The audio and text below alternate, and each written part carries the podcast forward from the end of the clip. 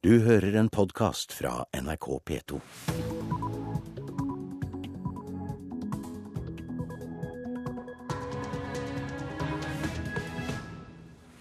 Klokka er 6.30 og vi er kommet til torsdag 13. september. Dette er hovedsakene i Nyhetsmorgen. Regjeringen sier likevel ja til ekstern og uavhengig gransking av sikkerheten i regjeringskvartalet. Det er riktig at eh, det er tillit til det arbeidet som ble gjort, eh, sånn at alle fakta kommer på bordet som vi kan lære av i tida framover. Fornyings- og administrasjonsminister Rigmor Aasrud. Norske Ryanair-flygere mener de blir nullskattytere mot sin vilje. Vi vil gjøre ting korrekt, og vi ønsker ikke å være nullskattytere. Det er klart vi er bekymret for å få en norsk skattesak mot oss. Det sier en norsk Ryanair-flyger som NRK har snakka med. Han tør ikke la seg intervjue med egen stemme.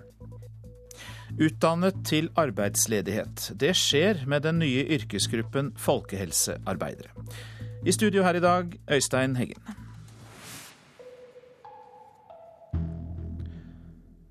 Ja, fornyingsministeren sier likevel ja til en ekstern evaluering av senteret som har ansvaret for sikkerheten i regjeringskvartalet.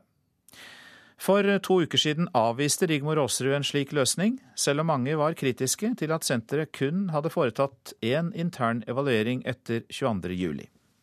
Jeg syns det er greit at alle i en organisasjon har tillit til det arbeidet som ble gjort. Og når man da stilte spørsmålstegn ved habiliteten til den som hadde gjennomført den eh, evalueringa, så mener jeg det er riktig. Det er riktig at eh, det er tillit til det arbeidet som ble gjort, eh, sånn at alle fakta kommer på bordet som vi kan lære av i tida framover. Avsløringer om mangelfull sikkerhet. Beredskapsplaner som lå innelåst på sjefens kontor. Det var mye å ta fatt i da Departementenes servicesenter satte i gang evalueringen av seg selv og sikkerheten i regjeringskvartalet under og etter 22. juli. En tidligere sjef ble pekt ut til å gjøre evalueringen av DSS, der hans kone og svigersønn fremdeles jobber. Snart kom påstander om inhabilitet, og tillitsvalgte påpekte klare mangler i evalueringen av senteret som er direkte underlagt Aasrud og hennes departement. Jeg håper at det skal være mulig å finne noen som, eh, som kan gjøre den jobben, som ikke har tilknytning til DSS på noen måte. Men det er bare to uker siden du avviste at dette var nødvendig? Ja, det er riktig. Da var jeg ikke kjent med de påstandene og den kritikken som var på habilitet og den som hadde gjennomført eh, evalueringa. Og etter det syns jeg det var greit at man, eh, gjennom, at man gjennomgår eh, hele saken på nytt, med at det blir reist tvil om habilitet. Justispolitisk talsmann i Høyre, André Oktay Dahl, og Stortinget krevde svar på hvorvidt Aasrud var kjent med at tillitsvalgte i DSS var kritiske til den tidligere sjefens evaluering. Eh, de ansatte har vært bekymret. Nå får man forhåpentligvis en skikkelig reell gjennomgang. Og det burde kommet før, og nå får vi håpe at det også kommer godt. Det er bedre sent enn aldri.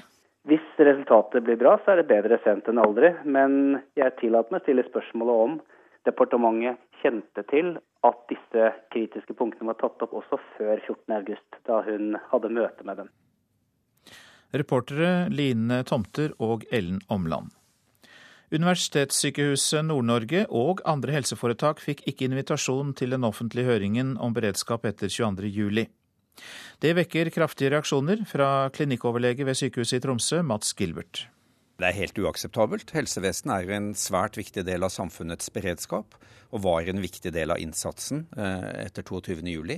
Det er helt klart at eh, alle sykehusene og kommunehelsetjenesten skulle vært på høringslisten, og vi skulle hatt en mye lengre høringsfrist, sånn at dette kunne bli en skikkelig prosess. Med en høring på kanskje den viktigste rapporten fra regjeringen siden krigen. Ingen i Justis- og beredskapsdepartementet hadde anledning til å stille til intervju med NRK.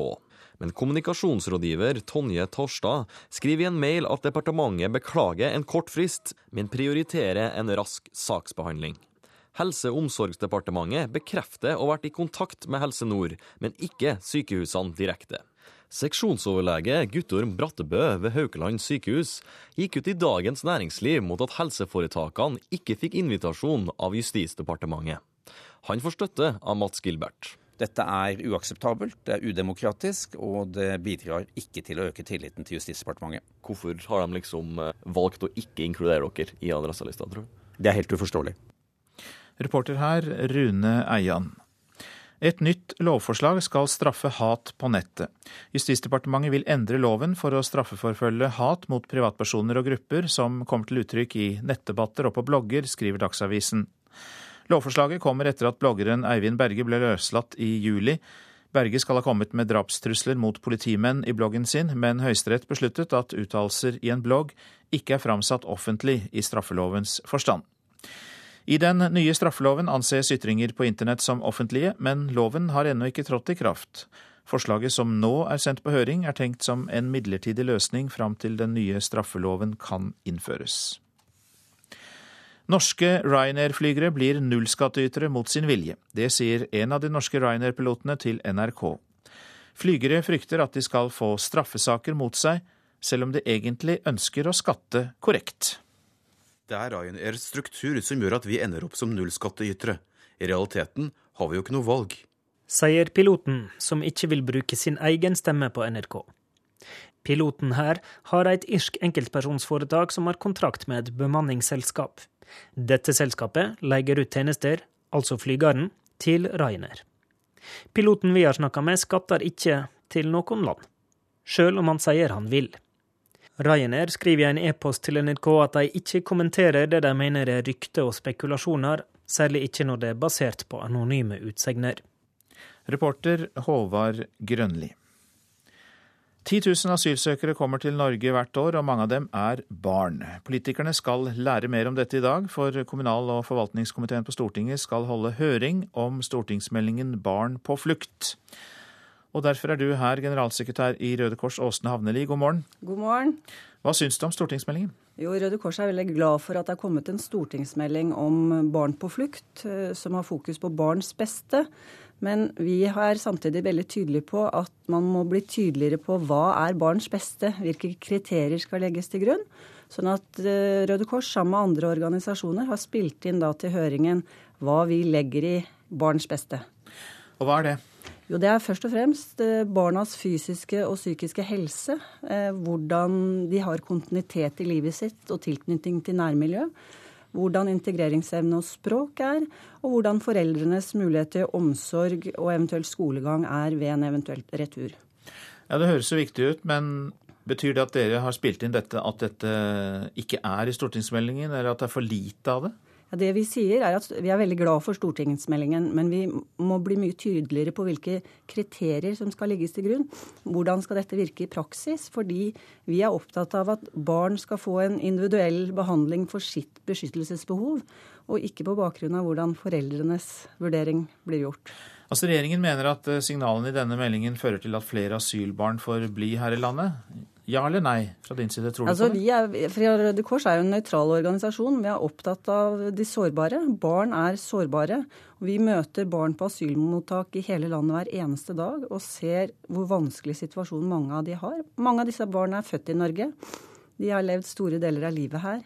Og Derfor mener vi det er veldig viktig at, at barna blir individuelt behandlet og vurdert ut fra det behovet barna har, og ikke hva de voksne har. Det virker som du er veldig opptatt av dette med individuell behandling, at du ser hvert barn for seg? Ja, det mener vi er viktig. Akkurat som man gjør med de voksne, så må barns beskyttelsesbehov vurderes. Og det er disse kriteriene Røde Kors sammen med andre organisasjoner har spilt inn til høringen i dag. Så vi er spent på utfallet. Ja, Hva tror du kommer ut av det? Jeg tror det blir en god debatt. Eh, og det at eh, Stortinget har vedtatt en, og har en stortingsmelding eh, som nå er til høring, sier noe om hvor viktig det er å ta barna på alvor. Og du skal delta der? Jeg har flere av mine folk som skal være med der i dag. Da ønsker vi lykke til med det arbeidet. Takk for at du kom i studio, Åsne Havneli, som er generalsekretær i Røde Kors. Tusen takk. Så skal jeg si litt om hva avisene skriver om. Funnet av Sigrid Giskegjerde Skjetne var tilfeldig, skriver VG. I forbindelse med pågripelsen av de siktede for andre forhold ble en politihund sluppet løs. Kort tid etter markerte hunden på funnstedet i skogen nær verkstedet til en av de siktede på Kolbotn. Kronen er verdens sterkeste, skriver Finansavisen. Analytikere spår eurokurs til 6,90 og dollar til 5 kroner og 50 øre. Omstilling er helt nødvendig, er oppslaget i Dagens Næringsliv. BI-professor Torge Reve er ikke bekymret for norsk industridød. Reve mener det er bra at oljebransjen presser ut treforedling og annen industri som ikke kan konkurrere. Jubler for robotsatsing, skriver Stavanger Aftenblad om plogproduksjonen ved Kverneland på Klepp. De nye japanske eierne investerer i industriroboter for 300 millioner kroner. Alle ektepar må til tinghuset, er oppslaget i Vårt Land. Høyres programkomité foreslår at staten alene skal ha vigselsrett, mens tros- og livssynssamfunn bare skal være seremonimestere. Jonas Gahr Støre er lei av møtemani, får vi vite i Klassekampen. Utenriksministeren mener det er gått inflasjon i internasjonale toppmøter, og at verden lider av stadig flere møter, men med få resultater. Fare for ny protestbølge, skriver Aftenposten om raseriet i flere muslimske land etter den islamkritiske filmen 'Innocence of Muslims'. Angrepene på USA i Libya og Egypt kan være starten på en ny karikaturstrid. Mer om dette hos oss i Nyhetsmorgen etter klokka sju. Vi ble lurt av Døgnvillfestivalen, sier Radisson Blue-sjefen i Tromsø til Nordlys. Hotellet er både sponsor og kreditor, men kjente ikke til at den nordnorske musikkfestivalen ga et stort lån til Kollenfest i Oslo. Nå sliter Døgnvill i Tromsø fordi Kollenfest i Oslo er konkurs. Smarte bilister på Fosenveien lurer seg selv, kan vi lese i Adresseavisen. Mange passerer på feil side av veien for å unngå bompenger, men de blir tatt bilde av og må likevel betale. Lokalmaten er i vekst, får vi vite i Nasjonen. Småprodusentene vokser mer enn matsalget generelt, og lokalt samarbeid mellom produsentene er suksessformelen. Slik som andelseierne i Gudbrandsdalsmat har gjort.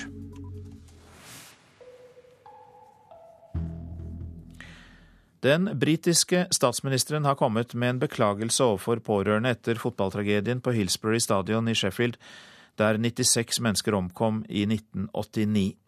En ny rapport viser at mange av ofrene kunne overlevd hvis redningsmannskapene hadde reagert kjappere.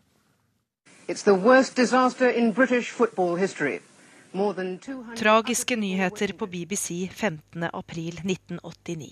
Da kampen mellom Liverpool og Nottingham Forest startet klokka tre på ettermiddagen, ble 96 av de fremste supporterne klemt i hjel pga. trengsel. Ifølge politiet var alle ofrene døde et kvarter etter avspark, og supporterne selv fikk mye av skylda. Noe dagens politimester i Sheffield, David Crompton, omsider beklager. Uh, when police lost control, uh, lies were told about how that happened. And even now, 23 years after the event, I would wish to profoundly apologise not only to the family of the 96, uh, but also Liverpool fans in general. Crompton er ikke den eneste som nå beklager. Etter at pårørende i 23 år har kjempet for å få sannheten om hva som skjedde, kom endelig rapporten i går. Den viste at mange av ofrene kunne ha overlevd hvis redningsmannskapene hadde reagert fortere, sier Bill Kirkup, en av mennene bak rapporten. Uh, in total 41, there, there is some overlap. Uh, 41 people therefore had evidence that they had potential to survive after the period of 315. 41 personer kunne potensielt ha overlevd. Statsminister David Cameron har lest rapporten og kan ikke annet enn å beklage på hele nasjonens vegne. The injustice of the appalling events, the failure of the state to protect their loved ones, and the indefensible wait to get to the truth. And then the injustice of the denigration of the deceased, that they were somehow at fault for their own deaths. So, on behalf of the government, and indeed our I am profoundly sorry that this double injustice has been left uncorrected for so long. Statsminister David Cameron, reporter, korrespondent Gry Blekastad Almås. Dette er Nyhetsmorgen, og klokka har nettopp passert 6.44, og vi har disse hovedsakene. Regjeringen sier likevel ja til ekstern og uavhengig gransking av sikkerheten i regjeringskvartalet. Norske Ryanair-flygere mener de blir nullskattytere mot sin vilje.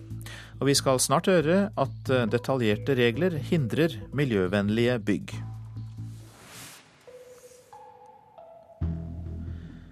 De skal fremme helse og forebygge sykdom. Folkehelsearbeiderne er en ny yrkesgruppe, og kommunene er pålagt å ansette dem. Men så har de ikke penger til å opprette nye stillinger. Dermed blir lovnader om en sikker framtid tomme løfter for mange av de nyutdannede folkehelsearbeiderne. Personsøkeren piper i hendene, hun har på seg hvit helseuniform og joggesko. Hun skal skubbe senger og frakte blodprøver på sykehuset, men det er langt fra jobben hun utdanner seg til. Det er en jobb jeg hadde under hele studietiden, og som jeg hadde håpet jeg ikke skulle ha i dag. For Karina Numedal Sjandis er folkehelsearbeider. Hun skal til dømes sørge for trygge skoleveier, godt inneklima og plass til aktivitet. I januar ble kommunene lovpålagt å skaffe henne kompetanse. Likevel får ikke studievennene jobb, for kommunene oppretter ikke stillinger. Ja, det har vært ganske vanskelig og frustrerende, egentlig. Vi har møtt så mange folk opp gjennom studiet, og de sier hele tiden at dere vil jo være veldig viktige i framtiden. Men så ser vi jo en annen virkelighet når vi faktisk søker jobb. Bare to av fem kommuner har ei full stilling. Samtidig blir det oppretta nye studier for å dekke den forventa etterspørselen. De fleste kommunene har gjort som Austrheim og ordfører Per Lerøy. Ja, Vi har jo hatt en folkehelsekoordinator i 40 stilling. og Nå må vi se på når vi ligger det nye budsjettet, hvordan vi skal, vi skal gjøre dette videre. De gav ei deltidsstilling til helsesøstera for å spare penger. For selv om regjeringa har pålagt kommunene ansvar, har de ikke gitt penger. Helseminister Anne Grete Strøm Eriksen sier kommunene må prioritere det. Kommunene må ville, de må ville legge til rette for bedre folkehelse. For dette er utrolig viktig. Det å ha noen som kan, kan tenke litt eh, tverretatlig, både også på aldersgrupper og eh, på ting som kan gjøres. Med tom prat, det virker jo i hvert fall sånn ofte. Når du ja, i framtiden en gang eh, ser litt mer handling og ikke bare ord. Det hadde virkelig, virkelig vært på sin plass. Reporter her Runa Victoria Engen. Arbeidsgiverne må bli pliktige til å utarbeide lønnsstatistikk fordelt på kjønn. Det mener barne-, likestillings- og inkluderingsminister Inga Marte Torkelsen, som sender lovforslag om dette på høring. Torkelsen sier til Dagsavisen at det vil være et viktig verktøy for kvinner som opplever å bli diskriminert, eller som mistenker at de blir diskriminert når det gjelder lønn. I Nederland erkjenner lederen av det sosialdemokratiske partiet valgnederlaget. Det betyr at statsminister Mark Rutte og det liberale partiet beholder regjeringsmakten i landet. De liberale ligger an til å få 41 av de 150 plassene i nasjonalforsamlingen i Nederland. I snart 20, eh, snart 20 år etter at det var slutt på gruvevirksomheten i Folldal, renner fortsatt vann fra gruver og slaghauger urenset ut i elven Folla. Forsøk med rensing skulle starte i år, nå er det utsatt, og når rensingen av alt vannet kommer i gang, er helt i det blå. Her er vannet fra gruveområdet som går i Folla, helt urensa. Store mengder sink og ikke minst kobber, som er veldig giftig for vannlevende organismer. Forteller varaordfører i Folldal, Ståle Støen, om bekken som renner ut i elva Folla like nedenfor sentrum. Den tar med seg mellom 10 og 20 tonn kobber i året fra gruvene og slagghaugene oppe i dalsida. I elva da, så er det ja, 50-100 mikrogram kobber eh, per liter. Og det er for mye? Det er altfor mye. Da, da, dør fisken. I ei mil er elva tom for fisk. Seks mil er sterkt forurensa. I sommer skulle forsøk med rensing komme i gang, men det ble ikke noe av. Det viser seg det at vi er nødt til å legge det ut på anbud, så det forsinker prosessen noe. Eh, sånn at vi kommer ikke i gang før utpå våren. Sier direktør Bård Dagestad i Direktoratet for mineralforvaltning, som har ansvaret for å finne fram til egna rensemetode. Vi hadde jo møte med Cliff og Dirmin og departementet 23.1, eh, og da ble vi fortalt at her skulle det settes i verk eh, pilottesting på ny rensemetode her i løpet av sommeren. Og når det ikke skjer, så, så er det et, lite, det er et løftebrudd. Tidligst neste år skal et pilotanlegg i mindre skala til kanskje 10-12 millioner kroner prøves ut. Når fullskala rensing kan komme i gang, er helt i det blå. Fristen fra Klima- og forurensningsdirektoratet, Cliff, gikk ut for over to år siden.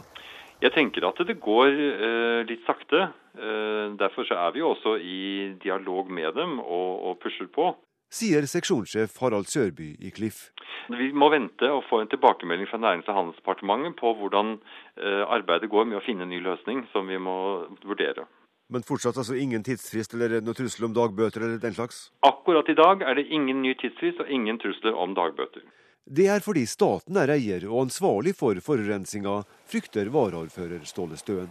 Har det vært privat gruveier, så hadde ikke dette skjedd. Og jeg syns det er veldig uh, uriktig at Cliff, som tilsynsinstans gjør forskjell på private gruveeiere og staten som gruveeier. Så du mener at dette er en klar forskjellsbehandling? Ja, det er ikke brukbart. Det er, dette her bør Stortinget ta fatt i. Neste år er det 20 år siden den siste gruva i Folldal ble lagt ned. Jeg har forståelse for at folk syns dette tar lang tid, og jeg har forståelse for at folk er utålmodige, og vi gjør så godt vi kan. Jeg tror det har vært mulig å få gjort noe tidligere, men jeg tror også folk skal være veldig klar over at dette er svært vanskelig. Men mer kunne vært gjort, mener Støen. Nei, Jeg syns staten, som har så mye penger, burde ha tatt ansvar og fått uh, i hvert fall et, et, midlertidig anlegg, slik som uh, gruveeieren hadde i sin tid i Folldalen. Og så er det jo uh, kommet private aktør, altså et lite selskap som heter Pronor, som da har presentert sin rensemetode, som har gitt veldig lave verdier i vannet som da er ferdig rensa. Så du mener det er fullt mulig? Det er fullt mulig. Hva forventer du skjer? Jeg forventer, sånn som vi har bedt om i formannskapet i Folldalen, at her skal det settes i verk eh, parallell utprøving av eh, flere rensemetoder for å finne eh, en metode som er både effektiv, og som òg kan gjenvinne metallene som i dag går i elva. Og at dette her gir overføringsverdi til andre eh, problemområder, som Løkken, og Skorvass og eh, Sulitjelma, Røros, eh, Hjerkinn for den saks skyld. Reporter i Folldal, Kurt Sivertsen. Trusler mot tiggere i Kristiansand var onsdag et tema for Europarådets 47 medlemsland. Det sier generalsekretær Torbjørn Jagland. I går la han fram en rapport om brudd på menneskerettighetene for romfolk i flere europeiske land. Og jeg har måttet inkludere det som har skjedd eh, i forhold til romfolket i Norge nå i sommer og senest nå i Kristiansand i den rapporten. For jeg ser eh, meget alvorlig på det som har skjedd. At uh, slike jeg vil si rasistiske holdninger kommer til uttrykk også i, i Norge. Generalsekretær i Europarådet Torbjørn Jagland. Lovverket må endres hvis vi skal få flere miljøvennlige bygg. Det mener flere norske arkitekter, som opplever at byggereglene er så detaljerte at det blir svært vanskelig å bygge miljøvennlig. En av dem som merker dette, er Kjetil Tredal Thorsen i Snøhetta. Utvikling av særlig eh, energipositive hus, altså det som går utover passivhusstanden, er veldig veldig vanskelig med, med gjeldende lovverk. Det sier Kjetil Tredal Thorsen i Snøhetta, som sammen med flere samarbeidspartnere står bak det energipositive kontorbygget som planlegges på Brattørkaia i Trondheim, som ikke bare skal bruke lite strøm, men bli det første bygget i Norge som også leverer strøm tilbake til nettet. For å reise et slikt bygg må arkitektene gå på tvers av reguleringsplaner. Det vi oppdaga var jo at eh, for å få det energipositivt, så måtte vi bryte med reguleringsplanen. I forhold til takvinkel, høyde, materialbruk generelt sett. Også når det gjelder bygging av boliger er regelverket for detaljorientert. Det forhindrer bygging av miljøvennlige hus, mener arkitekt Odd Steinsvik i Steinsvik arkitektkontor i Tromsø. Vi har så mange som bestemmer hva som er lovlig, og som kan forby eh, forskjellige løsninger, altså tekniske løsninger. Og Det gjør at det her er, det er uoverkommelig i Norge å, å tenke seg å bygge bærekraftig og fremtidsretta og fornuftig. Tekniske forskrifter, lokale reguleringer i kommunene og estetiske retningslinjer gjør at arkitektene mener dagens lovverk bør endres, og får støtte av miljøstiftelsen Zero. Ja, Vi opplever jo at politikerne er ganske positive til at dette her skal skje. Eh, og Da er vår eh, beskjed til politikerne at de må eh, være åpne for å gjøre justeringer. De må være åpne for å gi dispensasjoner lett, og eventuelt se på om regelverket skal kanskje være romsligere. Kravene må være utforma sånn at de som virkelig går foran, får lov til å gjøre det. Det sier nestleder i Zero, Marius Holm. Statssekretær i eh, Kommunal- og regionaldepartementet, Dag Henrik Sandbakken, er ikke enig i at regelverket er for snevert. Han eh, utelukker likevel ikke at det kan bli lovendringer. Eh, vi fra vår side skal se på, og det gjør vi til stadighet, regelverket om det er nødvendig å gjøre tilpasninger i forhold til den utviklingen som går. Og Det kan jeg naturligvis ikke utelukke at vil bli aktuelt å gjøre. Reporter her, Birger Kolsrud Jåsund. Humor på fritida ble suksess. Ved å klippe seg selv inn i storfilmer som Titanic, Harry Potter og Ringenes herre, har duoen i Pistol Shrimps erobret internett. Med småpenger og gratis hjelp så har de to unge mennene laget parodier, som er Norges mest sette klipp på YouTube. Da er vi klare, så kan du bare sette i gang. Ja. I dag er 24 år gamle Christer Hafstad på jobb. Han har lånt NRK-studio i Bergen og NRK-programleder Halvor Folgerød for å lage tullenyheter til en TV-serie som skal på Bergens Tidende sitt nettsted. Flott. Da er vi ferdig med kameraet. Da gjør vi alt sammen igjen i kameraet. Da blir det akkurat det samme, ja. Serien blir sikkert morsom, men det spørs om BT får like mange klikk på den som det Christer får når han sammen med sin makker Stian Hafstad i produksjonsselskapet Pistol Shrimps lager småfilmer som de publiserer på YouTube. They had the time of their lives.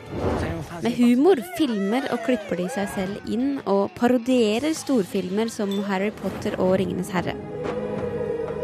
You have my sword. And you have my bow. And my axe. And my vuvuzela.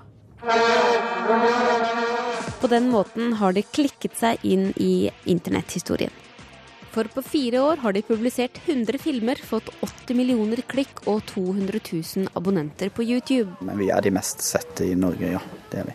De møtte hverandre på film- og TV-produksjon ved Universitetet i Bergen i 2007. Opprettet en YouTube-kanal i 2008. Og så har det begynt vi å legge ut ukentlige videoer i januar 2010. da. Var det dere slaget Titanic? eh? Ja, det er helt riktig. Titanic is back. Da de la ut en Titanic Super 3D-trailerparodi i vår, tok det helt av. Det har vært en gradvis utvikling egentlig fra 2008.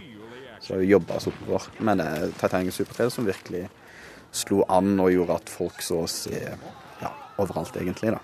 Ja, visste, visste hvem vi var. Ja. Og nå blir Pistol Shrimps Titanic Super 3D med på ekstramaterialet til Blu-ray-utgivelsen av filmen. Da regissøren av Titanic sett den og godtatt at jeg kunne være med på ekstramateriale på Titanic Blu-ray. Så det er artig.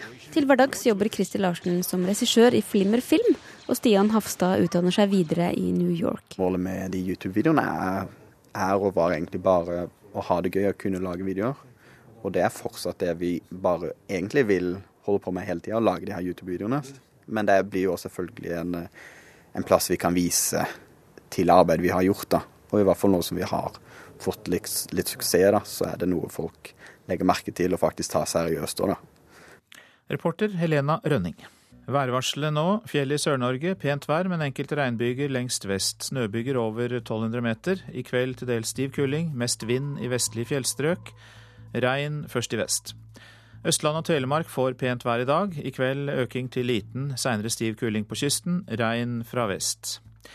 Agder får oppholdsvær. Seint i ettermiddag øker det til sørvestlig stiv kuling på kysten, etter hvert regn. Rogaland får enkelte regnbyger. Fra i ettermiddag sørvestlig liten, stiv, liten kuling utsatte steder. I kveld sørlig stiv kuling på kysten, og etter hvert regn. Hordaland og Sogn og Fjordane dreiing til sørvest liten kuling på kysten. Regnbyger, snøbyger i høyfjellet. I ettermiddag øker det til sørlig stiv kuling utsatte steder. I kveld opp i liten storm på kysten. Mest vind blir det nord for Feie. Etter hvert regn. Møre og Romsdal får sørvest sterk kuling på kysten. Regnbyger, snøbyger i fjellet. I kveld sørlig frisk bris, men på Sunnmøre sterk kuling og etter hvert regn. Trøndelag sørvestlig opp i liten storm. Enkelte regnbyger i ytre og nordlige strøk. Snøbyger i fjellet, ellers opphold. I kveld sørøst liten kuling utsatte steder og oppholdsvær. Helgeland sørvestlig periodevis sterk kuling på kysten. I kveld minker det. Saltfjellet, Salten, Lofoten, Ofoten og Vesterålen. På kysten av Salten og Lofoten periodevis liten kuling, kan hende stiv kuling i kveld. Etter hvert regn. Troms oppholdsvær, men indre strøk eh, kan, kan det bli regnbyger. Vest-Finnmark med vidda, litt regn, seinere opphold. Øst-Finnmark perioder med liten kuling på kysten, litt regn. Nordensjøland på Spitsbergen, stiv kuling utsatte steder, litt regn. Temperaturer målt klokka fem. Svalbard sju, Kirkenes ni, Vardø og Alta også ni. Tromsø fire, Bodø og Brønnøysund åtte. Trondheim seks, Molde seks, Bergen sju, Stavanger åtte, Kristiansand sju. Gardermoen null, Lillehammer tre. Røros minus fire og Oslo-Blindern hadde pluss tre klokka fem. Du hører en podkast fra NRK P2.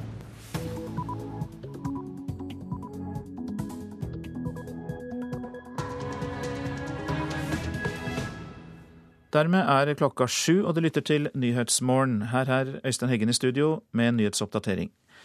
USA mener at angrepet på det amerikanske konsulatet i Benghazi i Libya var organisert. Men amerikanske myndigheter sier at angrepet på det amerikanske konsulatet i Benghazi var svært godt planlagt. Skytingen pågikk i flere timer, og det ble brukt granater i angrepet. Demonstrasjonen mot den amerikanske filmen var bare et påskudd for å gjennomføre angrepet, der den amerikanske ambassadøren og tre andre diplomater ble drept, hevder amerikanerne. Regjeringen sier likevel ja til ekstern og uavhengig gransking av sikkerheten i regjeringskvartalet. Jeg er opptatt av at eh, det skal være tillit til den, eh, det arbeidet som ble gjort. og Derfor så syns jeg det er greit at man da gjennomfører og bruker en ekstern konsulent til å, til å gå gjennom det materiellet som foreligger, og eventuelt gjøre justeringer. Fornyingsminister Rigmor Aasrud. USAs internasjonale rykte svekkes dersom Mitt Romney blir ny president. Det mener folk i Europa, ifølge ny undersøkelse. Norske Ryanair-flygere mener de blir nullskattytere mot sin vilje. Vi vil gjøre ting korrekt, og vi ønsker ikke å være nullskattytere. Det er klart vi er bekymret for å få en norsk skattesak mot oss. Det sier en norsk Ryanair-flyger som NRK har snakka med. Han tør ikke la seg intervjue med egen stemme. Lovverket må endres hvis vi skal få flere miljøvennlige bygg, mener flere norske arkitekter. Amerikanske myndigheter mener at angrepet på det amerikanske konsulatet i Libya var godt planlagt. Militante islamister brukte demonstrasjonene mot den amerikanske filmen om islam som et påskudd, blir det sagt. Samtidig fortsetter protestene i Egypts hovedstad Kairo.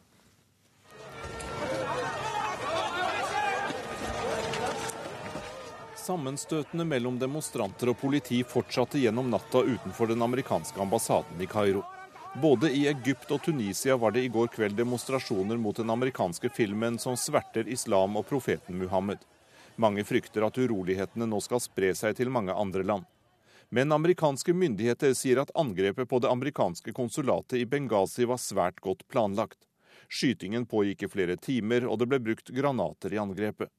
Demonstrasjonen mot den amerikanske filmen var bare et påskudd for å gjennomføre angrepet, der den amerikanske ambassadøren og tre andre diplomater ble drept, hevder amerikanerne.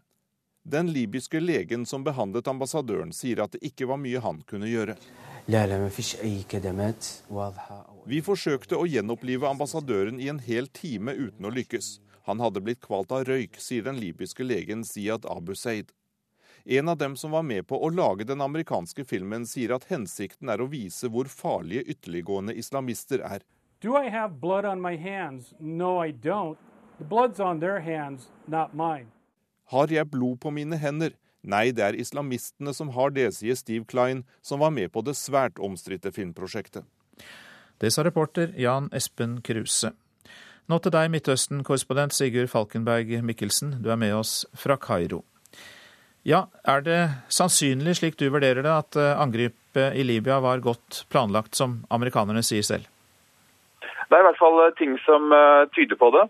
Det at det kom i to bølger, at de også angrep konsulatet da det skulle bli forsøkt evakuert, er jo ting som peker i den retningen. Og også fordi vi vet at en del av de islamistiske eh, gruppene er eh, svært aktive i området, og det har vært flere angrep på eh, konsulater der tidligere. Det var jo også et sammentreff at de angrep konsulatet akkurat da ambassadøren var i Benghazi. Er jo ikke der så veldig ofte og skulle bare være der på et kort besøk. Vi så jo en bølge av angrep og protester etter de danske karikaturtegningene. Hvor farlig vurderer du de demonstrasjonene som brer seg nå som protest mot den amerikanske filmen? Det er jo en eh, uoversiktlig situasjon hvor det meste kan skje. Uh, det har vi sett her i Kairo, hvor det virker mer spontant. I hvert fall så langt. Det har jo igjen vært Eh, uro og bråk utenfor den amerikanske ambassaden. Eh, denne gangen så ble demonstrantene holdt eh, unna bygget. og det var trefninger til langt ut på natten her med bruk av steiner, tåregass. Men da antagelig ikke veldig stor mengde, men rundt en par hundre protester, demonstranter. Amerikanerne sender antiterrorsoldater og krigsskip til Libya. Hvordan vil det påvirke situasjonen? Nei, det er klart, Sånt øker jo alltid spenningen. Spørsmålet er hva de kommer til å bruke disse skipene til. Dette er jo skip som er utstyrt med Tomahawk-raketter, som ble brukt i stor grad i Libya, men da mot Gaddafi-styrkene under krigen der. Mange takk skal du ha, Sigurd Falkenberg Mikkelsen, som altså er vår Midtøsten-korrespondent. Norske Ryanair-flygere mener de blir nullskattytere mot sin vilje. Flygerne frykter at de skal få skattesaker mot seg, mens de mener Ryanairs selskapsstruktur er den egentlige årsaken til at de ikke skatter. Vi vil gjøre ting korrekt, og vi ønsker ikke å være nullskattytere. Det sier en norsk Ryanair-flyger som NRK har snakka med. Han tør ikke la seg intervjue med egen stemme. Nå i høst starta skatteetaten gransking av piloter og flybransjen. Det er klart vi er bekymret for å få en norsk skattesak mot oss for han er en av de som ikke betaler skatt. Det er pga. selskapskonstruksjonen Ryanair krever av han, mener han. Det er Ryanairs struktur som gjør at vi ender opp som nullskattytere. I realiteten har vi jo ikke noe valg. Han må ha et enkeltpersonsforetak i Irland, som har kontrakt med et bemanningsbyrå. De leier ut hans arbeidskraft til Ryanair. En ganske vanlig måte å gjøre det på i Storbritannia og Irland, sier professor i arbeidsrett Stein Evju. Det er en modell som brukes og som nettopp har sammenheng med at hvis man bruker denne typen av modell, så slipper man unna. Dvs. Si man har ikke noe arbeidstagerforhold. Ingen sitter med arbeidsgiveransvar i en slik konstruksjon, sier han. Ikke bemanningsbyrået, ikke innleieren. Den som har ansvar, det er den som har ansvar for seg selv. Den som er eh, registrert som selvstendig og enkeltmannsforetak. Og all den tid forholdet mellom flyselskap og pilot er organisert på denne komplekse måten, så slipper nok ikke flygerne unna at det er deres ansvar å få skatta riktig, sier Evju. Jeg kan ikke forstå noe annet. Men i realiteten mener flygerne at de langt fra er selvstendig næringsdrivende. Ryanair styrer arbeidsplaner og ferie. De jobber ikke for andre. Piloten NRK har intervjua, misliker sterkt å bli holdt ansvarlig for det han kaller Ryanairs gråsoner mens flygerne samtidig opplever at de ikke får klare svar eller hjelp fra skatteetaten. Forvirringa er stor, mener fagforeninga Parat. Den er total. Det er verken myndigheter eller arbeidsgivere eller enkeltmannsforetak, også pilotene, som vet hvor de skal betale skatt. Sier nestleder der, Vegard Einan. Han tror også det finnes piloter som vil utnytte systemet for å slippe unna skatt, men at de fleste ville betalt til fellesskapet om flyselskapene gjorde det mulig. Men, men, det største ansvaret det ligger hos arbeidsgiver, å sørge for at de de har til å jobbe for seg, trekkes og betaler skatt. Parat er opptatt av at styresmaktene i ulike europeiske land må komme på banen, for sannsynligvis gjør ikke Ryanair noe ulovlig. Ja, altså det er jo myndighetene sitt ansvar å regulere skattepolitikken. Det er ikke Rainer sitt ansvar. Rainer de bare utnytter de, de manglende, manglende, lovene som, som eh, ligger, og, og, kanskje også utnytter de smutthullene som har kommet. fordi at eh, liberaliseringa har gått fortere enn en regelverket har klart å følge med. NRK har spurt Ryanair om å kommentere påstanden om at piloter kjenner seg tvinga inn i en konstruksjon der de blir nullskattytere.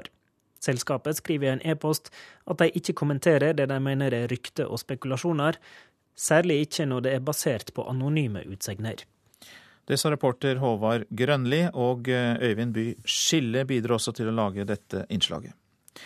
Europa om USA nå, for eh, Romney blir ny president. Det mener folk i Europa, ifølge en ny undersøkelse. We've made our share of mistakes, and there are times when our actions around the world have not lived up det er fire år siden daværende utfordrer Barack Obama talte til verden i Berlin og lovte å gjenopprette tilliten til USA etter åtte år med republikansk Bush-styre. Nå er det Mitt Romney som er Obamas utfordrer. Men vinner han, vil USAs internasjonale rykte svekkes, viser en undersøkelse i avisa The Guardian. 12 000 mennesker er spurt. Bare én av 20 i Storbritannia, Frankrike og Tyskland har et positivt inntrykk av Romney. Riktignok er han fremdeles relativt ukjent utenfor egne landegrenser, men europabesøket hans i sommer var ingen suksess, da han bl.a. kritiserte britenes OL-planer, skriver avisa. Nesten annenhver brite spurt i undersøkelsen sier Romney som president vil gjøre dem mindre vennligstilte til USA. Bare 3% mener han vil bedre inntrykket av landet, med tilsvarende tall i Tyskland og Frankrike. Men Romney kan finne trøst i land som er misfornøyde med dagens amerikanske president. I Midtøsten, Pakistan og Nord-Afrika er holdningen langt mer positiv til at han kan bedre USAs rykte enn i Europa. Gry Blekastad Almås, London. Ja, vi har kalt på deg, Jan Arild Snoen. Du er jo en USA-kjenner. Hvorfor er Romney så lite populær blant europeerne? Mesteparten av dette er jo det mer generelle, at europeere liker demokrater bedre enn republikanere. Så det er det som er underliggende. Og grunnen til det er for det første at, at politisk spektrum i, i, USA ligger til høyre for Europa. I Europa så er vi, for å si det litt grovt, mer sosialdemokratiske. Så Det er den viktigste forklaringen. Og så har det også noe med eh, utenrikspolitikk å gjøre. At uh, europeere oppfatter uh, republikanerne som mer skal vi si, aggressive eller offensive. Mer villige til å bruke militære virkemidler, som europeerne ikke lenger tror noe særlig på. Og Den tredje tingen tror jeg er at, at republikanerne har, er knyttet til en forestilling om at de er veldig konservative og religiøse. Noe som også er fjernt for europeerne. Har det alltid vært sånn, eller er det et mer nytt fenomen? Ja, dette har i hvert fall vært sånn så lenge jeg eh, kan huske, og jeg begynner å bli middelaldrende. Eh, så det har vært sånn lenge, i hvert fall helt tilbake til ja, Reagan før det, sa du Nixon. Altså det er, så dette er, dette er et generelt fenomen, men så ser det ut som for det har også kommet en annen undersøkelse i går fra Gallup som viser hvem folk ville ha stemt på. Eh, og der er det nå enda kraftigere for demokratene enn republikanere enn det pleier å være. Det tror jeg har noe med Eh, at Obama fremdeles har en viss sånn eh, eh, det er fremdeles litt sånn aura rundt han i Europa, mer enn i USA. Og så er Romney da den, på en måte den typiske republikaner, en middelaldrende rik eh, mann, eller egentlig en ganske gammel, rik mann, eh, med en litt rar religion. altså, da, da, er det ikke så lett å bli glad i han som de er i Obama. Men det var interessant det jeg hørte her om at i den muslimske del av verden så er det større skepsis til eh, Obama. Hva legger, ja, det, hva legger du i det? For det er, det er, det det. er ikke som det ble sagt at Romney er så populær der, men det er mer at skepsisen til Obama er, er stor. Det ser vi også i andre undersøkelser. Eh, Obamas første år så, så ble, han, ble, USA mer populær over hele verden. Eh, men etter hvert så har det gått tilbake igjen utafor Vest-Europa. Og det har jo mye med at at Obamas utenrikspolitikk kanskje ikke er så forskjellig fra den Bush eh, førte. I hvert fall ikke så forskjellig som mange hadde håp om. Det dreier seg om ting som eh, Guantánamo, det dreier seg om bruken av droner i Pakistan og, og sånne ting. Som, eh, som igjen er grunnet til at USA har en rolle å spille i verden, og de har noen interesser, og det er de som disponerer militærmakten på vegne av, av Vesten, kan du si. Og Når det da blir brukt, når amerikanere er amerikanere og spiller sin rolle, Eh, så er det mange utafor Europa også som, som, er negative til det. Ja, altså Obama hadde i hvert fall blitt gjenvalgt i Europa, men det er vel ganske åpent fortsatt i USA. Hva tror du om det? Ja, Han er knapp favoritt, leder litt mer på meningsmålingene nå etter, eh, etter, landsmøtet de hadde. Men det ser ut til å kanskje være litt på retur igjen, så det begynner å bli litt jevnere igjen, tror jeg. Men, men han, er, han, er, knapp favoritt, det er han. Mange takk for at du kom til Nyhetsmorgen, Jan Arild Snoen. Dette er uh, Nyhetsmorgen, som du hørte, og vi har disse hovedsakene. USA mener at angrepet på det amerikanske konsulatet i Benghazi i Libya var organisert.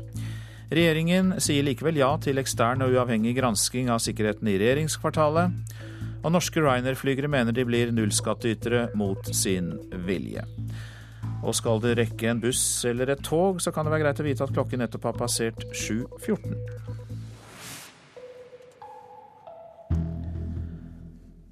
Barnedødeligheten verden over er halvert de siste 20 årene. Det viser en ny rapport fra FNs barnefond UNICEF.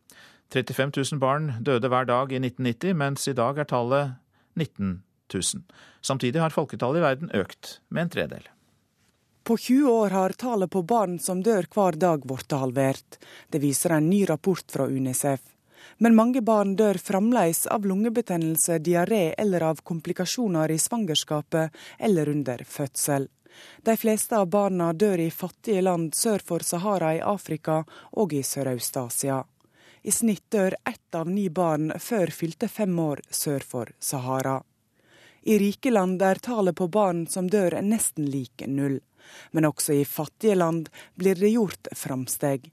Rwanda er ett av ni fattige land som har redusert tallet på barn som dør hver dag, med hele 60 In 2009, Rwanda became one of the first countries in sub-Saharan Africa to introduce the pneumococcal. De var et av de første landene som begynte å bruke vaksine mot lungebetennelse, forteller kvinner på et sykehus på landsbygda i Rwanda. Sa reporter Tone Gullaksen. Og velkommen til deg, Bernt Apeland. Takk skal du ha. Du er generalsekretær i Unicef eh, Norge. og Hvordan eh, har dette skjedd, at man da faktisk har klart å halvere barnedødeligheten? Ja, dette viser jo at når verdenssamfunnet virkelig går sammen, setter seg et felles mål og eh, slår sine krefter sammen, så er det mulig å oppnå ganske eh, fantastiske resultater. For du, det du ser nå, er at barnedødeligheten i løpet av de siste 20 årene er nesten halvert, samtidig som verdens befolkning har økt med en tredjedel. Og det er, eh, må jeg si, en imponerende innsats. Likevel så er det jo da fortsatt mange som dør, og i de fattige land først og fremst. Hva er den viktigste årsaken? Det er eh, tre viktige årsaker. Eh, den største barnedreperen eh, er lungebetennelse. Og som vi nettopp hørte i, i, innslaget, er det noe som er fryktelig lett å forebygge. Den nest største barnedødsårsaken er komplikasjoner i forbindelse med svangerskap og fødsel. Litt mer komplisert å, å, å løse, det krever litt mer helsevesen. Og den tredje uh, verste barnedreperen er diaré, som er meget enkelt uh, å forebygge. Og Det er klart at det er jo det som er uh, fortsatt fyller meg med tristhet på en dag som dette, hvor vi egentlig fylles med kraft og energi med, med, så gode resultater, er at det er så mange barn som dør av så enkle ting som er så enkelt å forebygge. Hvis verdenssamfunnet virkelig skal sette inn trøkket her for å gjøre noe med det, hvilke tiltak ville du prioritere? Det er å sette fokus på de landene som har den største barnedødeligheten nå. Eh, og det vil være sør for Sahara og noen land i Sør-Asia. Eh, det vil være å sette fokus på akkurat de tre tingene jeg sa nå. Lungebetennelse, eh, diaré og komplikasjoner. Mye løses med vaksinasjon, mye løses med bedre helsevesen. Og så er det det viktigste, som kanskje ikke kommer fram i disse statistikkene, det er at den bakenforliggende årsaken til at barnedødeligheten går så mye ned, er at jenter får utdannelse. For når jenter får utdannelse, så skjønner de hva det er som fører til sykdom og død. Og da tar de den riktige valgene og de gode valgene for barna sine. Og det er kanskje noe av det viktigste vi kan bidra med til, i tillegg til vaksiner og eh, bygge ut lokalt helsevesen. Du er generalsekretær i eh, FNs barnefond i Norge, Unicef. Eh, hva gjør dere? Hva gjør din organisasjon? Ja, vi er jo først og fremst opptatt av å samle inn penger og bygge støtte til at vi skal fortsette. For det, eh, det er fortsatt sånn at det er 50 jumbojeter fylt med barn som styrter hver dag, hvis vi skal som, eh, gi en sammenligning. Og Det er klart at det kan vi ikke akseptere.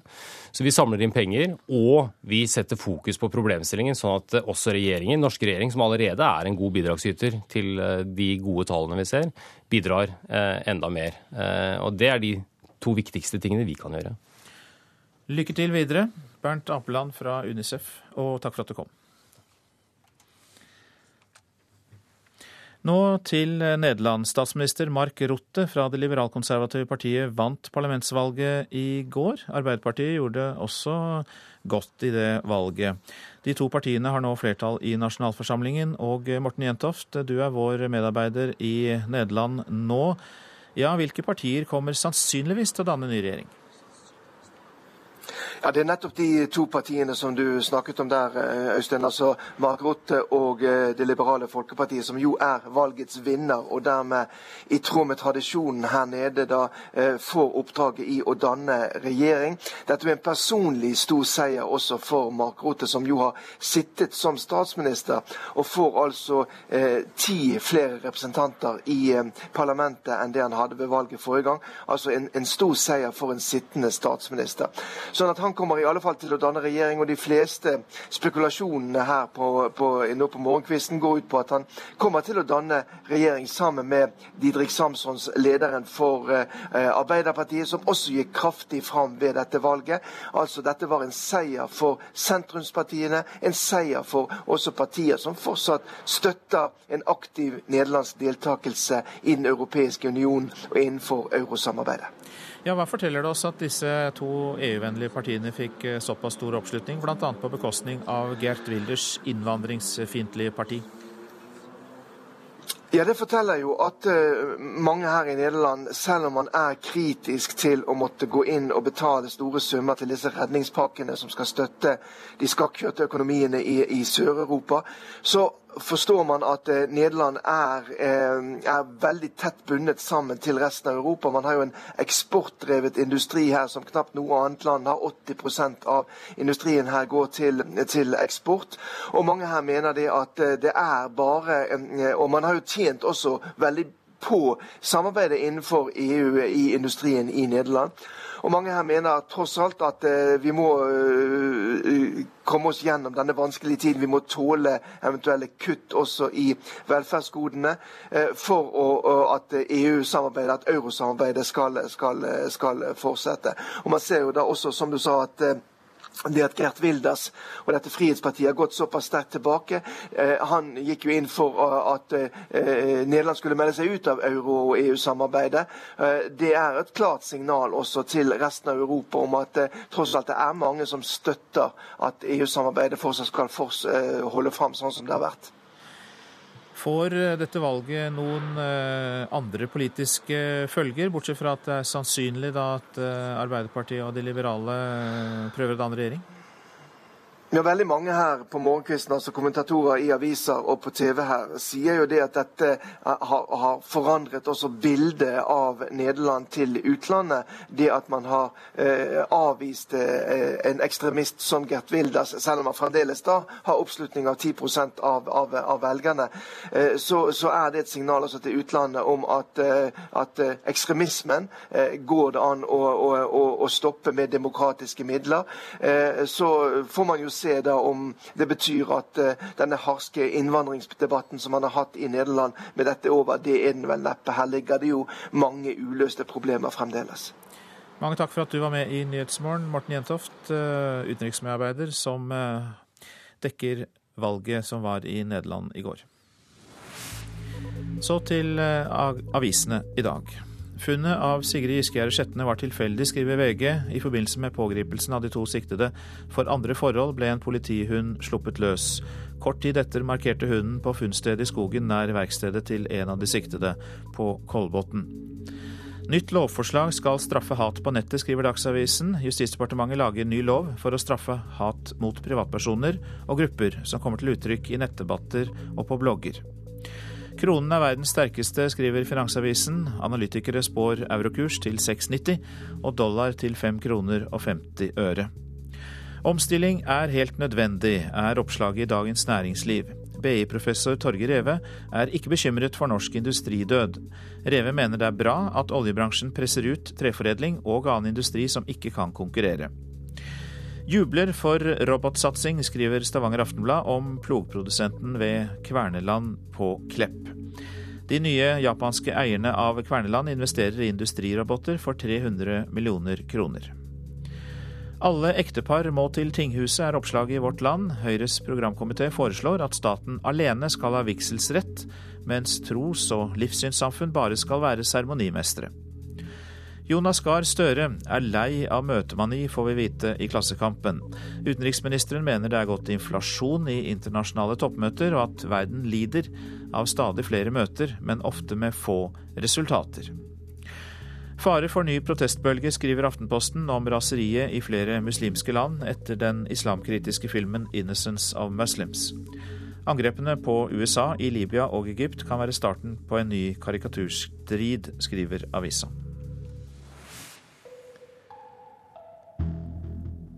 En 58 år gammel tysk fisker er savnet i Rekefjorden i Sokkendal i Rogaland. Han ble meldt savnet i går kveld etter at han ikke kom tilbake fra en fisketur på fjorden. Søket etter mannen fortsetter når det blir lyst. Fengselsbetjenter er bekymret over at fanger med alvorlige psykiske lidelser ikke får god nok helsehjelp. Det skriver Vårt Land. Mange fanger får psykiske problemer i fengselet, ifølge Norsk fengsels- og friomsorgsforbund. Ifølge forbundet mangler helsevesenet kapasitet til å ta imot disse fangene. Så om Gudbrandsdalens største langhus, som er funnet i Sør-Fron. Det er arkeologene som undersøker området der den nye E6-traseen skal gå, som har funnet det 37 meter lange huset.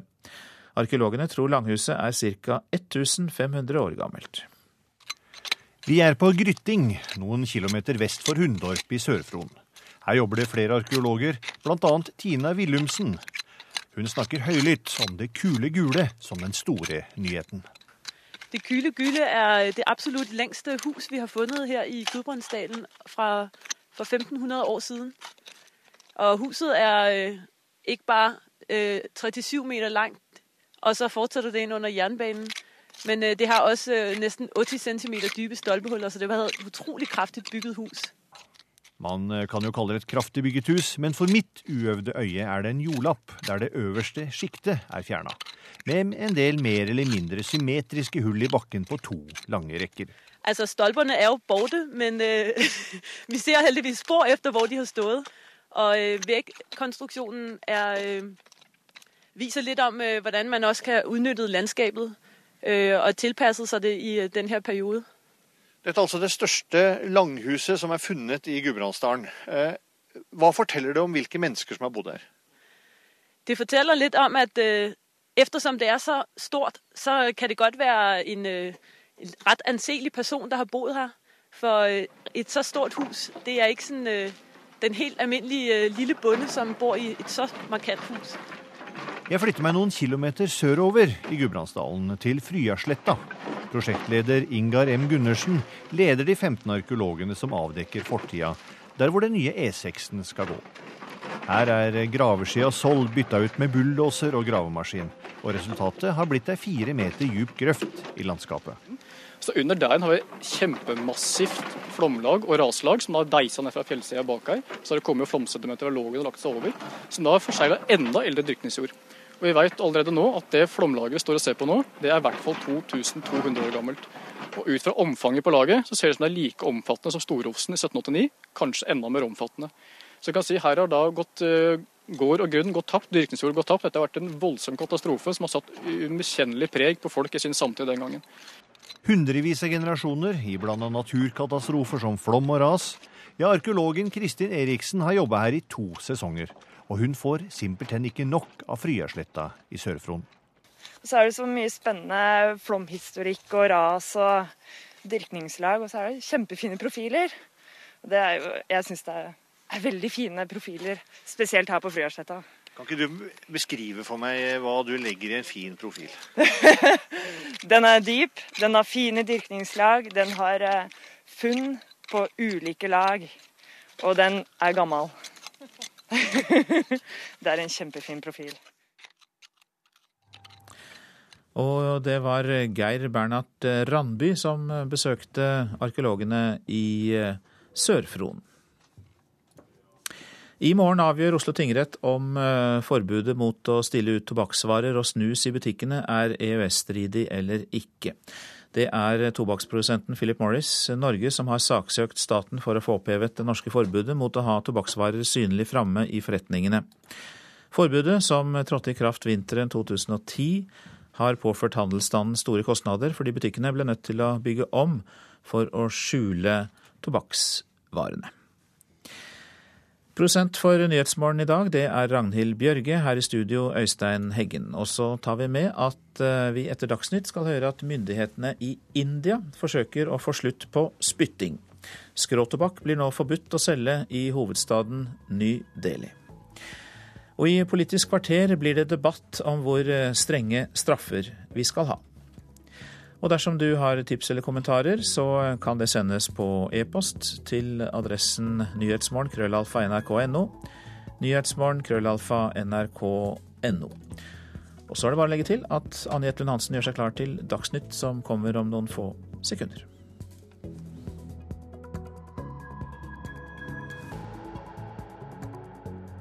Du hører en podkast fra NRK P2.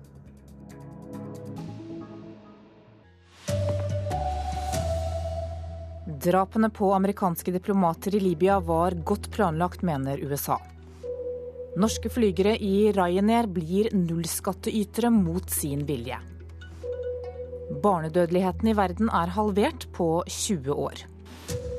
God morgen, her er NRK Dagsnytt, klokka er 7.30. Amerikanske myndigheter mener at angrepet på det amerikanske konsulatet i Libya var godt planlagt. Det blir nå spekulert i om militante islamister brukte demonstrasjonene mot en islamkritisk film som et påskudd for angrepet. Samtidig fortsatte protestene i Egypts hovedstad Kairo i natt.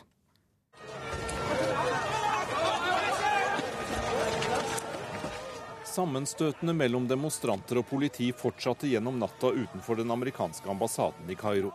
Både i Egypt og Tunisia var det i går kveld demonstrasjoner mot den amerikanske filmen som sverter islam og profeten Muhammed. Mange frykter at urolighetene nå skal spre seg til mange andre land. Men amerikanske myndigheter sier at angrepet på det amerikanske konsulatet i Benghazi var svært godt planlagt. Skytingen pågikk i flere timer, og det ble brukt granater i angrepet. Demonstrasjonen mot den amerikanske filmen var bare et påskudd for å gjennomføre angrepet, der den amerikanske ambassadøren og tre andre diplomater ble drept, hevder amerikanerne. En av dem som var med på å lage den amerikanske filmen, sier at hensikten er å vise hvor farlige ytterliggående islamister er. Do I have blood on my hands? No, I don't. The blood's on their hands, not mine. Har jeg blod på mine hender? Nei, det er islamistene som har det, sier Steve Klein, som var med på det svært omstridte filmprosjektet. Det sa utenriksmedarbeider Jan Espen Kruse. Med oss nå Midtøsten-korrespondent Sigurd Falkenberg Mikkelsen. Hvordan vurderer du teorien om at angrepet var godt planlagt? Det er jo ting som uh, tyder på det, uh, særlig også fordi det har vært uh, angrep tidligere på utenlandske konsulater i Benghazi, og fordi de islamistiske grupperingene er godt organisert i området. Jeg var der selv i sommer og kunne konstatere det med egne øyne. Men samtidig så skal man være forsiktig med å konkludere altfor raskt. Vi hører at demonstrasjonene nå brer seg. Hvor farlig er situasjonen? Den er uh, usikker. Uh, og Vi har sett dette i Kairo, hvor uh, protestene fortsetter. og Det er ikke veldig mange igjen utenfor den amerikanske ambassaden, men de er mange nok til å skape betydelig trøbbel. og så har også det regjerende muslimske brorskapet samt de mer ytterliggående salafistene tatt til orde for en stordemonstrasjon på fredag. og Man vet jo aldri hvordan det vil, om den kan utarte seg i voldelig retning. Takk til deg, Midtøsten-korrespondent Sigurd Folkenberg Mikkelsen. Norske flygere i selskapet Ryanair mener at de blir tvunget til å la være å betale skatt. Piloter frykter at de skal få skattesaker mot seg, mens de mener Ryanairs selskapsstruktur er den egentlige årsaken til at de ikke skatter. Vi vil gjøre ting korrekt, og vi ønsker ikke å være nullskattytere. Det sier en norsk Ryanair-flyger som NRK har snakka med. Han tør ikke la seg intervjue med egen stemme. Nå i høst starta skatteetaten gransking av piloter og flybransjen. Det er klart vi er bekymret for å få en norsk skattesak mot oss. For han er en av de som ikke betaler skatt. Det er pga. selskapskonstruksjonen Ryanair krever av han, mener han. Han må ha et enkeltpersonsforetak i Irland, som har kontrakt med et bemanningsbyrå. De leier ut hans arbeidskraft til Ryanair. En ganske vanlig måte å gjøre det på i Storbritannia og Irland, sier professor i arbeidsrett Stein Evju.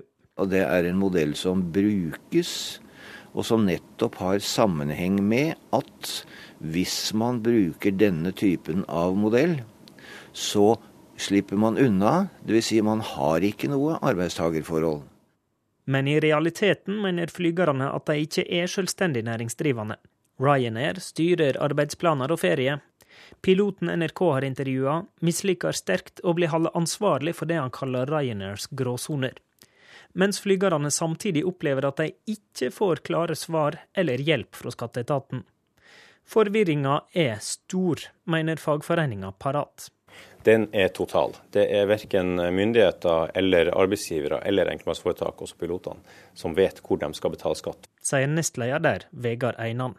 Ryanair skriver i en e-post til NRK at de ikke kommenterer det de mener er rykter og spekulasjoner, særlig ikke når det er basert på anonyme utsegner. Reportere her var Håvard Grønli og Øyvind By Skille. Halvparten av norske skoleelever har aldri hatt yrkesveiledning. Ifølge elevene selv så fører dette til at flere velger feil og dropper ut av skolen. Mange rådgivere har rett og slett ikke tid nok. Det er litt problemer med å få timer noen ganger, vet jeg. For det er veldig mange som vil snakke med dem, det er ikke så mange. Men når de først gir deg tid, så hjelper de deg veldig bra. Mm, jeg er helt enig. Sier elever ved Ullern videregående skole i Oslo. Elevundersøkelsen for 2012 viser at kun rundt halvparten av norske skoleelever har hatt yrkesveiledning. Leder av Elevorganisasjonen Aksel Fjelldavli er bekymret. Det er alvorlig. Vi vet det at eh, feilvalg det er en eh, viktig årsak eh, til frafall. Og det har ikke heller blitt gjort noe med den tida rådgiverne har til den enkelte elev siden, siden 70-tallet. Hei, du. Ved Ullern videregående skole sier rådgiver Ragnhild Orseth Stene at de har satset mye på rådgivningstjenesten, og det gir resultater. Rundt ni av ti elever fullfører skoleløpet der. Allikevel skulle hun ønske seg enda mer tid til hver enkelt elev. Det er mange problemstillinger, mange ting som vi må alltid prioritere. Venstreleder Trine Skei Grande krever nå at noe blir gjort. Jeg ville hatt en egen utdannelse for rådgivere, og sørga for at vi har fått god etter- og videreutdanning. Kunnskapsminister Kristin Halvorsen vil ikke ha en egen utdannelse, men sier hun prioriterer videreutdanning for lærere. Nå ber hun imidlertid skolene skjerpe seg og sjekke om deres elever får et godt nok tilbud. Og Da vil mange finne ut at det får de ikke, og da må de bare skjerpe seg umiddelbart. Fordi det er for mange som velger feil fordi de ikke har fått god nok rådgivning. Reporter var Veronica Westrin. Regjeringen snur og sier likevel ja til en uavhengig gransking av sikkerhetsarbeidet i regjeringskvartalet etter 22.07. For to uker siden avviste fornyingsminister Rigmor Aasrud en slik evaluering av senteret som hadde ansvaret for sikkerheten i regjeringskvartalet. I Nederland beholder statsminister Mark Rutte og hans liberale parti regjeringsmakten. Partiet får 41 av plassene i parlamentet, to plasser mer enn Arbeiderpartiet. Begge partier er tilhengere av EUs krisehåndtering og euroen, og politiske kommentatorer tror at de vil danne en koalisjonsregjering. Det innvandringsskeptiske Frihetspartiet ble valgets store taper. Barnedødeligheten i verden er halvert de siste 20 årene. Det viser en rapport fra FNs barnefond UNICEF. I 1990 døde 35 000 barn hver eneste dag, mens i dag er tallet 19 000. Generalsekretær Bernt Apeland i UNICEF sier at dette gir håp. Det gir, eh, og fyller i hvert fall meg, med håp om at vi faktisk skal kunne nå det som må være det endelige målet, nemlig at eh, barnedødeligheten er nesten tilnærmet lik null men fremdeles dør mange barn pga. lungebetennelse, diaré eller av komplikasjoner i svangerskapet eller under fødsel. Apeland forteller at de fleste av barna dør i fattige land sør for Sahara og i Sørøst-Asia. Det betyr at det er dårlig utbygd helsestell i mange av disse landene, så du har ikke eh, helsevesen i eh, lokalsamfunnet der menneskene bor. Rwanda er ett av ni fattige land som har redusert tallet på barn som dør, med hele 60%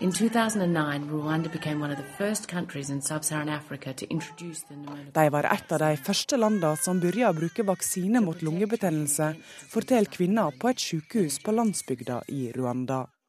Et godt skolevesen er viktig for å få til en endring, sier Apeland. Det viktigste her er jo å hjelpe de fattige landene til ikke bare å bygge skole, men å bygge skolevesen. Eh, som gjør at du skaper varige endringer, og at barna som vokser opp, får den kunnskapen de trenger. Reporter var Tone Gullaksen. Så fotball. Spill landskampene hos oss. Det sier ledere i Brann og Viking etter dårlig oppmøte på nasjonalarenaen Ullevål stadion. Vi ville vært positive og lagt opp til å, å skape en flott ramme og et stort engasjement. Hvis vi hadde fått en sånn henvendelse, så hadde vi selvfølgelig vært positive til det. Eh, vi har en flott eh, stadion, og fotballinteressen er stor her i eh, Stavanger-regionen. Det sier sportssjef i Brann, Roald Brun Hansen, og administrerende direktør i Viking, Arne Larsen Økland. 11 168 tilskuere så Norge mot Slovenia i VM-kvalifiseringen tirsdag. Det er langt under halvfull Ullevål stadion. Landslaget har tidligere spilt kamper utenfor Oslo, f.eks. i Molde. Landslagssjef Egil Olsen er åpen for å lufte ideen på nytt. Jeg ser jo poenget ditt, at du kunne sikkert ha fylt opp andre stadioner i, i Norge. Reporter var Geir Elle. Ansvarlig for denne sendingen var Arild Svalbjørg, teknisk ansvarlig Hanne Lunås og her i studio Anne Jetlund Hansen.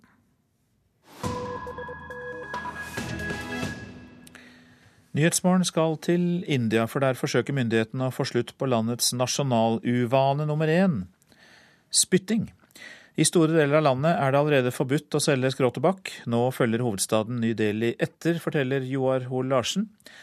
Han har bodd i India og opplevd fenomenet på nært hold.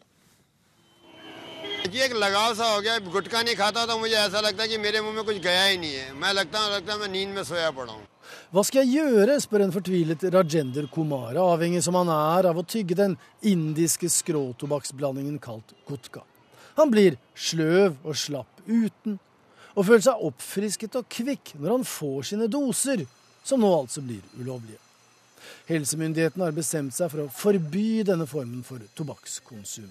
Men de vil gjøre det ved å forby kjøp og salg, laging og lagring osv. i stedet for å kriminalisere forbrukerne, sier hovedstadens helseminister Ashok Kumar Valya.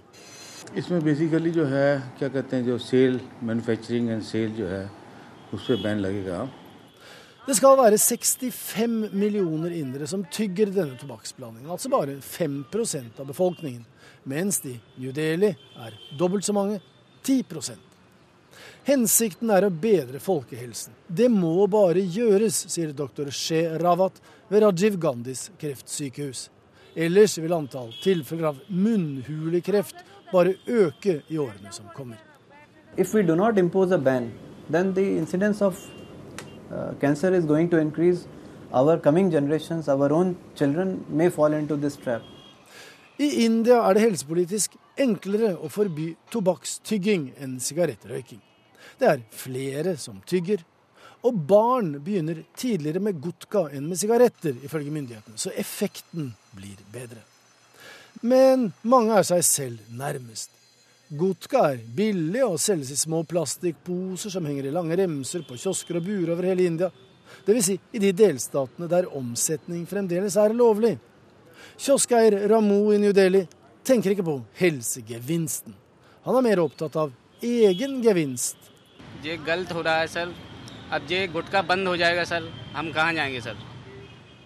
Indisk tobakkstygging har en ikke uvesentlig bieffekt.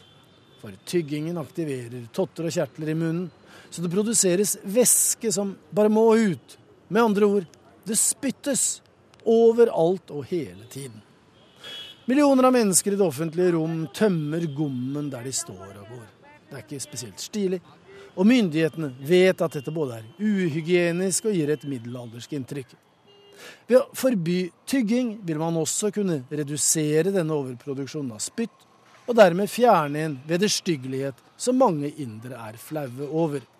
Det er, som doktor Sheravat sier, ikke bare myndighetenes lover og regler det dreier seg om, men det er også et spørsmål om hvorvidt den enkelte kan ta personlig ansvar.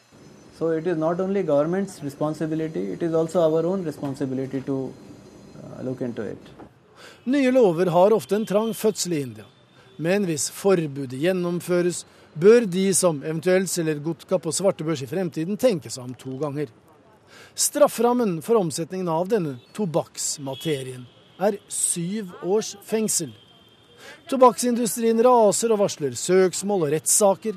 Men mens de vil tape store penger, så går statskassa i pluss.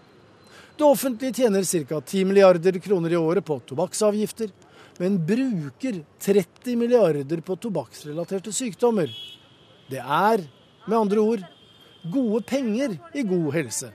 I tillegg til at man angivelig kan redde millioner av liv. Dette er hovedsakene i Nyhetsmorgen. USA mener at angrepet på det amerikanske konsulatet i Benghazi i Libya var organisert. Regjeringen sier likevel ja til ekstern og uavhengig gransking av sikkerheten i regjeringskvartalet.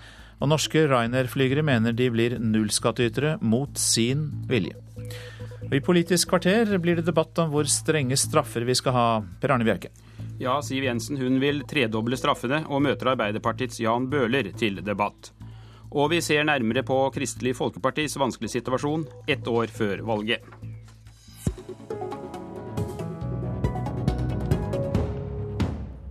Velkommen hit, Siv Jensen. På Fremskrittspartiets strategikonferanse denne uka tok du til orde for betydelig høyere straff for grove forbrytelser. Du vil ha en slags eh, progressiv straff, hvis jeg har forstått deg riktig, der straffen fordobles hvis den kriminelle dømmes for andre gang, og tredobles dersom han blir tatt en tredje gang. Ønsker du at vi fortsatt skal ha en øvre grense for hvor lenge folk kan fengsles, Eller vil du i virkeligheten ha livstidsstraff i ordets egentlige betydning? Jeg har lyst til å ta utgangspunkt i noen viktige premisser. Det ene er at Fremskrittspartiet mener at uh, straffeutmåling egentlig er et verdispørsmål. Uh, fordi det handler om at offeret og samfunnet som sådan skal verne sterkere enn det hensyn man normalt har tatt til overgriperen. Uh, og ja, vi vil straffe gjengangere hardere. Fordi vi mener det bidrar til å i mye større grad forebygge kriminalitet. Burde minne for godt? Nei, men det er nå engang sånn. altså I dagens system så er det f.eks. sånn at hvis du har begått tre overfallsvoldtekter som er uhyrlige i seg selv, da har du nesten ødelagt livet på tre uskyldige kvinner. Så får du syv års eh, fengsel. Og jeg tror de fleste syns det er uh, uhørt lite. I vårt forslag så vil det medføre 20 års fengsel, som jeg tror er langt mer i tråd med den rettsoppfatningen folk har. Men vil du fortsatt ha en øvre grense, slik jeg spurte om, eller vil du ha livstidsstraff? Nei, vi har gått inn for å ha en øvre grense, men vi har også åpnet for en debatt om livstid. Men da må det være veldig, veldig alvorlig kriminalitet. Eh, jeg har jo sett at eh, statssekretæren i Forsvarsdepartementet fra Arbeiderpartiet har tatt til orde for det eh, i kjølvannet av den terrorhandlingen vi var vitne til i fjor. Jeg skjønner veldig godt at den debatten kommer opp, men jeg har lyst til å ha fokuset rettet på det som er hverdagen vår, nemlig hverdagskriminaliteten. Overgrepsvoldtekter, hverdagskriminalitet som rammer tusenvis av mennesker hver eneste dag. Da må vi også ha en straffeutmåling eh, og et rettsvesen som praktiserer dagens lov på en sånn måte at straffeutmålingen oppfattes som rimelig skal du få svar med en gang om du får noen støtte for uh, disse synspunktene. For Jan Bøhler, justispolitisk talsmann i Arbeiderpartiet og nestleder i Stortingets justiskomité. Det er jo riktig som Siv Jensen sier, at også ditt parti har vært tatt til orde for strengere straffer. Støtter du Siv Jensen, eller støtter du henne ikke? Det er et litt for enkelt spørsmål. Jeg er veldig for uh, rettferdige straffer for at ofrene føler at de blir tatt på alvor, og for at vi skal ha straffer som gjør at folk ikke får lyst på å begå ny kriminalitet. Og så har vi jo eh, veldig sterke grep når det gjelder å ta de som eh, gjentar alvorlige forbrytelser, hardere. Og der er det jo, eh, Vi har først og fremst forvaring i Norge, hvor de som begår kriminalitet som altså drap, som grov vold, som voldtekt, grove ran og, og flere andre kategorier, kan få forvaring. Og da er det ikke bare tredobling, men da er det forlengelse på ubestemt tid. Altså i prinsippet livet ut, hvis det er fare for samfunnet og fare for gjentakelse. Og så har vi jo også eh, et system når det gjelder straffe for voldtekt, at ved grove voldtekter og gjentakelsesfare, gjentakelser, så kan man få opptil 21 års strafferamme. Så man kan ikke ta én dom i én sak og si at, uh, si at, det er, uh, at, det er, uh, det, som straffe, det, som er straffen. Man kan få opptil 21 år. Vi har også en generell paragraf i straffeloven, det heter 61, hvor, det er, hvor den maksimale straffetida kan fordobles eller fordobles ved, gjentatt, ved gjentakelse av samme kriminalitet. Så vi har mange grep i straffeloven som gir høyere straffe for gjentakelse. Så det jeg er ute etter, er er mer å se på det som, eh, det som er praksis ved domstolene. For vi har ganske eh, høye strafferammer, og vi skal forhøye noen av dem. Eh, og vi holder på med det. Kan komme tilbake til det. Men det som er praksis ved domstolen, altså straffenivået de legger seg på, det har Stortinget tatt fatt i. Og der er det nå, altså I sommeren 2010 så gikk vi gjennom en rekke alvorlige forbrytelser og, og som, hvor vi mener at straffenivået har ligget for lavt. Og da gikk et samlet storting inn for å øke straffen med eh, opp mot 50% for alt fra vold til Men, eh, overgrep mot barn til voldtekter osv. Så, videre. så nå holder vi jo på å få domstolen til å følge opp det med å øke med 50% Høyesterett har sagt seg enig, og det er under gjennomføring. Men eh, Siv Jensen, er problemet egentlig det at domstolen ikke benytter seg av de strafferammene som de egentlig har mulighet til å benytte? Ja, Det er ett av problemene, og det er også ett av de tiltakene Fremskrittspartiet nå peker på, nemlig at man må få et bedre system for straffeutmåling. Det er jo slik at det man ser i veldig mange straffesaker, er at domstolene legger seg i den nedre grensen av straffeutmålingsmulighetene i stedet for i den øvre. Eh, og det skaper et eh, sånn misforhold mellom det vi som på en måte vanlige folk i samfunnet oppfatter som urimelig, vi må ha straffer som, som, står seg i forhold til den kriminaliteten som blir begått. Så det har Jan Bøhler helt rett i, at det er en viktig debatt. Men så er det jo ikke riktig at vi har tatt utgangspunkt i én sak når vi sier at uh, man kan bare få Hvis du sier at tre voldtekter i syv år, så er det én sak. Nå vil jeg gjerne få lov å fullføre.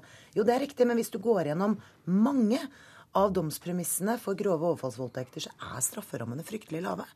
Sånn at det er to ting det er to ting i realiteten vi må gjøre. Det ene er det Bøhler sier selv, nemlig at vi må få domstolene til å legge seg i det øvre sjiktet. Men vi må også se på hvordan vi måler straff. Fremskrittspartiet mener at begår du ett forhold, så skal du få én straff. Begår du et nytt forhold, så skal du få dobbeltstraff. Og begår du det tredje forhold, så skal du få tredobbelt straff. Ikke den form for strafferabatt som dessverre ligger i dagens system, hvor du egentlig ikke får fullverdig straff når du begår ny alvorlig kriminalitet. Det er urimelig, og det må vi gjøre noe med. Bøller. Ja, altså jeg, Vi er enige om det at straffenivået, det som man i praksis får, skal økes. og Det har Stortinget eh, vedtatt. og Så er det en forsinkelse ved domstolen, ikke sant? for saker skal etterforskes, retteføres. Så dette er under eh, gjennomføring nå. Høyesterett har sagt at de vil øke med så mye vi har sagt at de skal. Og da vil straffene, eh, f.eks. For, for voldtekter, de skal komme oppover. Og det har, vi, har Stortinget fastslått at domstolene må gjøre. Vi kan ikke bestemme det i hver enkelt sak, men vi kan bestemme at straffenivået straffenivå skal opp.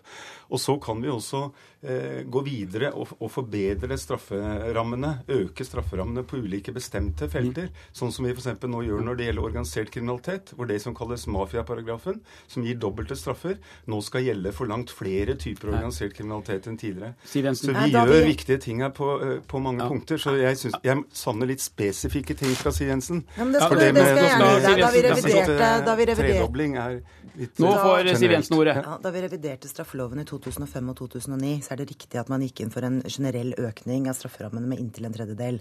Det går i riktig retning, men det er ikke nok. Og til tross for det, så er det altså et sånt datakaos som gjør at man ikke kan implementere dette for annet enn noen ytterst få. Det sier jo litt om hvilken sendrektighet det er. Men så har jeg lyst til å si at Jan Bøhler er jo ofte ute og sier mange av de riktige tingene i justispolitikken. Problemet er jo bare at han har jo ikke sin egen regjering med seg. Dette, sånn at det står, det står, ikke, til, det står ikke til troende, Jan Bøhler, når du ofte er ute og sier at du ønsker strengere straffer, når regjeringen din ikke følger opp med eh, forslag til lovendringer som faktisk harmonerer med virkeligheten. Vi er nødt til å få strafferammene opp. Vi er nødt til å skjerpe inn sånn at grov vold, overgrep mot uskyldige mennesker blir straffet hardere. Da må Arbeiderpartiet være villig til å gjøre noe med det, og ikke bare snakke ja, om det. Jan Bøhler, er dere villige til å gjøre noe? Ja, altså Det er jo regjeringen, sammen med oss på Stortinget og stortingsflertallet, også Siv Jensens parti har vært med på dette nå med å øke straffenivået med 50% Da var vi enige om, det var enstemmig vedtak om at dette var veien vi nå skulle gå. Når det gjelder organisert kriminalitet, som jeg nevnte, så har det vært enighet om på Stortinget det som jeg sier der, og som regjeringen nå har sendt ut til høring, om om å utvide bruken av den paragrafen. Da blir det flere som får doble straffer. Når det gjelder å øke straffen for grover terrorhandlinger, terrorhandlinger til 30 år, så er det også et enstemmig et vedtak på Stortinget som vi har fremmet, og som jeg, er sterkt for at vi nå skal få gjennomført. Med, og Det er noe sånn datatrøbbel som Siv Jensen viser til, som må skjæres igjennom på. Så vi har en rekke punkter som vi nå holder på å gjennomføre eh, sammen eh, når det gjelder høyere straffer. Og det kommer til, å, kommer til, å, slå ut. Men vi må samtidig ta vare på det som er fint ved det norske fengselsvesenet. At bare 20% etter fem år begår ny kriminalitet. Der skiller vi oss fra alle andre land. Eh, eh, I USA ser det bildet helt annerledes ut. Og det er også viktig for det norske samfunnet at vi ikke ja. får så mange som sitter i fengsel, som kommer ut og begår ny kriminalitet. Eh, Siv Jensen, du får 30 sekunder til slutt. Ja, jeg syns også vi må se på bruken av prøveløslatelse. Det er i dag altfor mange som blir prøveløslatt bare etter to tredjedels soning. Det mener jeg også er urimelig. Og det er jo sånn da at regjeringens svar på å møte soningskøer har vært å slippe folk ut før en soning. Det er Fremskrittspartiet imot. Vi mener at svaret på dette er å sørge for at du har tilstrekkelig med soningskapasitet. Takk skal du ha, Siv Jensen og Jan Bøhler. Valgkomiteen har innstilt Knut Arild Hareide. Er det andre forslag? Kristelig Folkepartis landsmøte i Trondheim. Jubelen sto i taket da Knut Arild Hareide overtok ledelsen av et skadeskutt parti. I dag, halvannet år senere, har partiet en oppslutning på bare 4,7% ifølge gjennomsnittet av de siste målingene. Og Åshild Mathisen, politisk kommentator og nyansatt utviklingsredaktør i Vårt Land. Hvor er det blitt av Hareide-effekten? Nei, den er ikke lett å få øye på. Um, men Hareide dyktig som han er, representerer ingenting nytt i KrF-sammenheng. Det KrF hadde trengt, var en leder som representerte noe helt nytt. Men KrF vil ha en brobygger mellom det konservative grunnfjellet og det mer moderne. Eh, og der står eh, Hareide. Han eh, må forholde seg til grasrota, og han må forholde seg til stadig tyngre blokkdannelser i norsk politikk. Det er et mareritt for han. I morgen eh, formiddag så samles Kristelig Folkeparti til eh, strategikonferanse, og partiet kommer da trolig til å vedta å samarbeide både med Høyre og Fremskrittspartiet for å få en ny regjering etter valget i 2013. Professor ved NTNU Anders Soldal Jensen med meg fra Trondheim. Hvor dristig er det av KrF å låse seg til et samarbeid som også kan hjelpe Frp inn i regjeringskontorene? Ja, Alle partier som låser seg inn i regjeringssamarbeid, de utsetter seg jo for noen eh, fare. Nå tror jeg kanskje ikke at eh, faren er overhengende for Kristelig Folkeparti. Eh, av de fire partiene som er nær sperregrensa nå før eh, valget, så tror jeg faktisk Kristelig Folkeparti er blant de som kan se det forholdsvis fortrøstningsfullt i møte.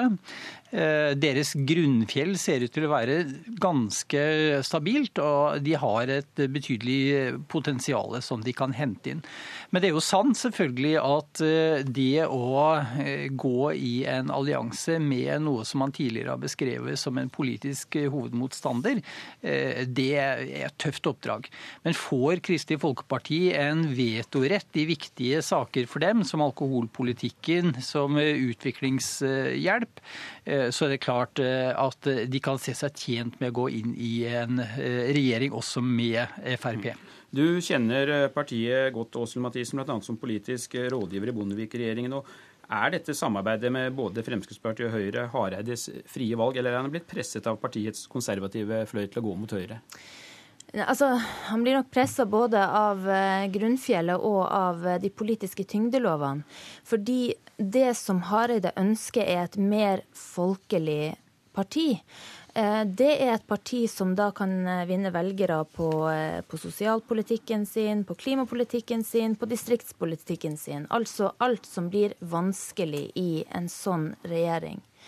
Og må minne om at i 2003, etter et elendig valg, så oppretta KrF en havarikommisjon som sa nettopp at dette Høyre-samarbeidet var det som hadde vært umulig for KrF. Partiet kan ikke fornye seg hvis man bare klarer å fokusere på noen smale hjertesaker som man får gjennomslag for med Frp. Og det er nesten ikke til å tro når eh, Hareide i Dagbladet i dag ser ut til å åpne for å sitte i regjering med Fremskrittspartiet, fordi han ønsker å fornye KrF. Eh, og vise velgerne at dette er et parti som står for noen eh, folkelige saker. Eh, et parti som er opptatt av, som har en sosialpolitikk og en klimapolitikk og en økonomisk politikk som mange kan Eh, relatere seg til. Eh, så for meg er det umulig å se at det er en sammenheng mellom dette prosjektet og et fornyerprosjekt. Ja. Men for KrF nå er selvfølgelig alt bedre enn skyggenes dal. Det er det, det, det, jeg tror eh, som skaper denne dynamikken. Eh, Todal Jensen, nesten ikke til å tro, sier Åsle Mathisen om eh, Hareides uttalelser om samarbeid med Frp i regjering også. Men hvis Du var inne på at ikke KrF løp noen risiko, men er det ikke en fare for at partiet kan bli slukt av Høyre dersom partiet nå peker på Erna Solberg som statsminister? Vi ser jo også overganger mellom KrF og Høyre hele tiden. Ja da, det er en helt klar eh, fare. Men jeg tror at det problemet blir akutt etter at jeg har gått inn i regjering. Jeg har lyst til å minne på eh, også alle om at Kristelig Folkeparti var på en måte garantisten for velferdsstaten på borgerlig side. Det er en profil som eh, forsvant vant mye godt under Bondevik II-regjeringa, og det tror jeg partiet blør for i dag. Eh, nå har vi altså sett at skiftet fra Høybråten til Hareide ikke har hatt noen innvirkning på oppslutningen om KrF. Hva er det partiet trenger, Åshild Mathisen? Altså, partiet trenger et uh, grunnleggende oppgjør med seg sjøl. Hva er KrF? Uh, under Valgjerd Svarstad Haugland så hadde man en ideologisk uh, oppbygning. Man prøvde å finne ut hva er et kristendemokratisk parti. Partiet må kikke på seg sjøl, finne ut hva man er, og så tenke på makt etterpå. jeg har oppfatta Hareide sånn at det han egentlig ville, var å være på Stortinget, bygge opp KrF igjen. Men nå har tyngdelovene tatt han. Nå er makt det eneste måten å overleve på. Todal Jensen, veldig kort til slutt. Hva mener du partiet trenger? Jeg tror de trenger en eh, lederduo. Hareide trenger en eh, sterk kvinnelig nestleder, en breddeholder i eh, partiet. Og de trenger å vinne tilbake troverdighet i sosialpolitikken. Ja. Og Der må jeg si takk til, takk til dere to og KrF-leder Knut Arild Hareide. Han er gjest i Politisk kvarter i morgen. Og det var Politisk kvarter torsdag. Jeg heter Per Arne Bjerke. Du har hørt en podkast fra NRK P2.